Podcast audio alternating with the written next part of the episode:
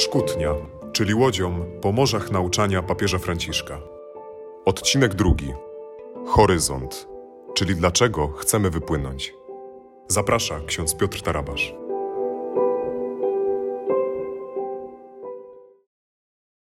Szczęść Boże, witajcie w drugim odcinku naszego podcastu Szkutnia.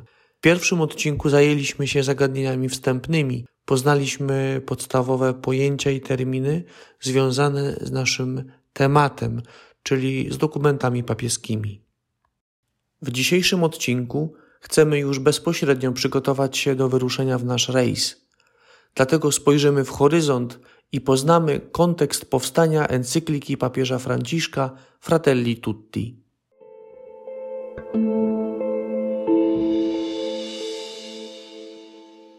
Kiedy rozpoczynamy lekturę encykliki Fratelli Tutti, to już w piątym punkcie papież Franciszek zdradza nam, co było jego główną inspiracją do napisania tego tekstu, a mianowicie jego spotkanie z wielkim imamem Ahmedem Al-Tayebem w Abu Dhabi i uroczyste podpisanie dokumentu o ludzkim braterstwie. Dokładny tytuł tego dokumentu to Dokument o ludzkim braterstwie dla pokoju światowego i współistnienia. Rzeczywiście, kiedy spojrzymy na tamten dokument, zobaczymy, że Fratelli Tutti jest rozwinięciem treści owego dokumentu, który liczy jedynie kilka stron. I moglibyśmy powiedzieć, jest takim praktycznym przewodnikiem po nim. Nie możemy więc przejść do analizy treści Fratelli Tutti bez spojrzenia choć przez chwilę na dokument o ludzkim braterstwie. Papież Franciszek i wielki imam podpisali dokument w Abu Dhabi 4 lutego 2019 roku jako przedstawiciele dwóch największych religii świata, a ich intencją było wyrażenie pragnienia i gotowości do budowania prawdziwego braterstwa. Dokument stanowiący wspólną deklarację pokazuje nam przede wszystkim, jak wiele nas łączy. Przypomina nam, że jest mnóstwo przestrzeni, w których możemy, jako chrześcijanie i muzułmanie, nie tylko współpracować, ale rzeczywiście iść ramię w ramię, wspólnie domagając się poszanowania praw najbardziej potrzebujących. Papież Franciszek i wielki imam przypominają nam o roli religii we współczesnym świecie, domagając się jednocześnie, by nikt nigdzie nie wykorzystywał jej do prywatnych celów politycznych czy nie instrumentalizował jej. W tym miejscu też pojawia się i warto je wspomnieć słynne i często powtarzane zdanie, że Bóg Wszechmogący nie potrzebuje niczyjej obrony i nie chce, aby Jego imię było używane do terroryzowania ludzi.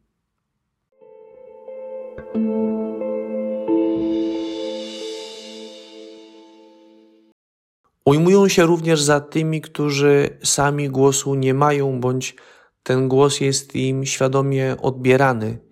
Papież Franciszek i wielki imam mówią w imieniu ubogich, żyjących w nędzy, uchodźców wygnanych ze swoich domów, ofiar wojen i niesprawiedliwości i przypominają jednocześnie, że autentyczne nauki religii zawsze będą zakorzenione w wartości, jaką jest pokój, a jeśli tak nie jest, to możemy mieć słuszne wątpliwości co do autentyczności takiego nauczania. Ujmują się również za tymi, którzy sami głosu nie mają, bądź ten głos jest im świadomie odbierany. Papież Franciszek i wielki imam mówią w imieniu ubogich, żyjących w nędzy, uchodźców wygnanych ze swoich domów, ofiar wojen i niesprawiedliwości i przypominają jednocześnie, że Autentyczne nauki religii zawsze będą zakorzenione w wartości, jaką jest pokój, a jeśli tak nie jest, to możemy mieć słuszne wątpliwości co do autentyczności takiego nauczania. Dokument o braterstwie wielokrotnie wspomina również o tym, że dialog i porozumienie to jest nasza wspólna droga jako ludzi wierzących, bo tylko w ten sposób możemy stworzyć, odnaleźć przestrzeń wspólnych wartości, tych duchowych, ludzkich i społecznych. Dlatego tak ważne miejsce w tym dokumencie zajmuje potępienie terroryzmu i jakiejkolwiek formy przemocy w imię religii. Papież i wielki imam wyraźnie stwierdzają, że taka przemoc jest zawsze sprzeczna z religią i godna potępienia.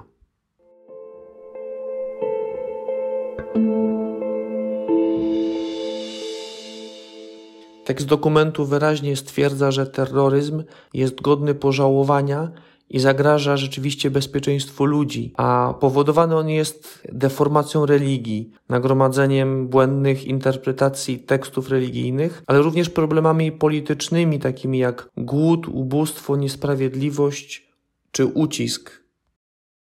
Dzieje się tak dlatego, ponieważ ludzie, którzy żyją w takich warunkach ucisku, niesprawiedliwości, cierpienia, ubóstwa, są dużo bardziej podatni na manipulacje i mogą być wykorzystani w tej przemocy, w tym terroryzmie i w akcie desperacji mogą dokonywać tych aktów przemocy w imię religii.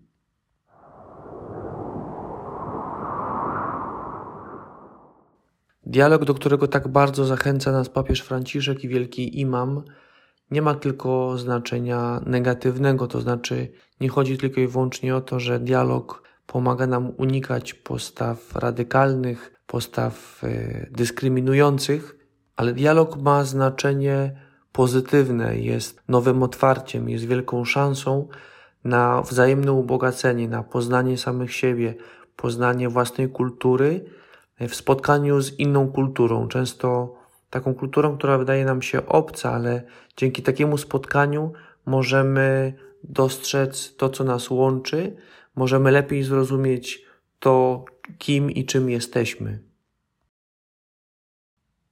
Mówiąc o dokumencie o ludzkim braterstwie dla pokoju światowego i współistnienia, podpisanym w zeszłym roku w Abu Dhabi, warto powiedzieć, że nie tylko jego treść jest przełomowa, ale samo spotkanie tych dwóch postaci, papieża Franciszka i wielkiego imama, było wyjątkowe. Każdy, kto śledził tamto wydarzenie w Zjednoczonych Emiratach Arabskich, mógł zobaczyć, że ów dokument nie był i nie jest jedynie pobożnym życzeniem, ale że już wtedy stawał się czymś bardzo realnym, konkretnym. Mogliśmy być świadkami prawdziwego spotkania, powie, powiedzielibyśmy przez duże S.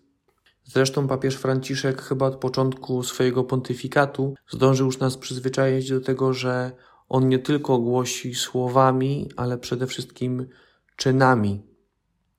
On nieustannie wykonuje gesty, które są jasną próbą szukania braterstwa i pojednania. Gesty, które pokazują, że nie tylko nas do czegoś zachęca, ale on sam to czyni jako pierwszy. Ostatni przykład to ten sprzed trzech dni, z poniedziałku, kiedy to dowiedzieliśmy się, że papież Franciszek uda się w marcu 2021 roku do Iraku, na równinę Niniwy, między innymi do Ur Chaldejskiego, czyli do miejsca, które będąc kolebką trzech religii judaizmu, chrześcijaństwa i islamu, doświadczyło jednocześnie tragedii podziału, prześladowań i nienawiści powodowanej religijnie.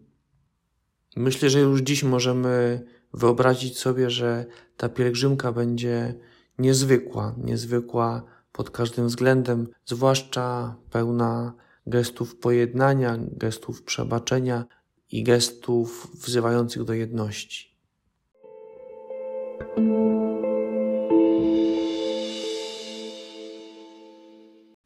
Przystępując więc w naszym podcaście do czytania encykliki Fratelli Tutti, chcemy pamiętać i mieć to ciągle przed oczami, że Wbrew temu, co wielu jej zarzuca, nie jest to jakiś utopijny tekst, który nie ma szans na realizację, ale jest to konkretny program dla ludzi wierzących.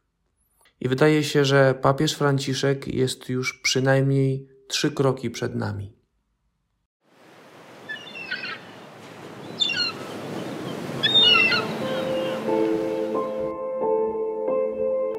To już wszystko w dzisiejszym odcinku. Zapraszamy za tydzień w czwartek o godzinie 19.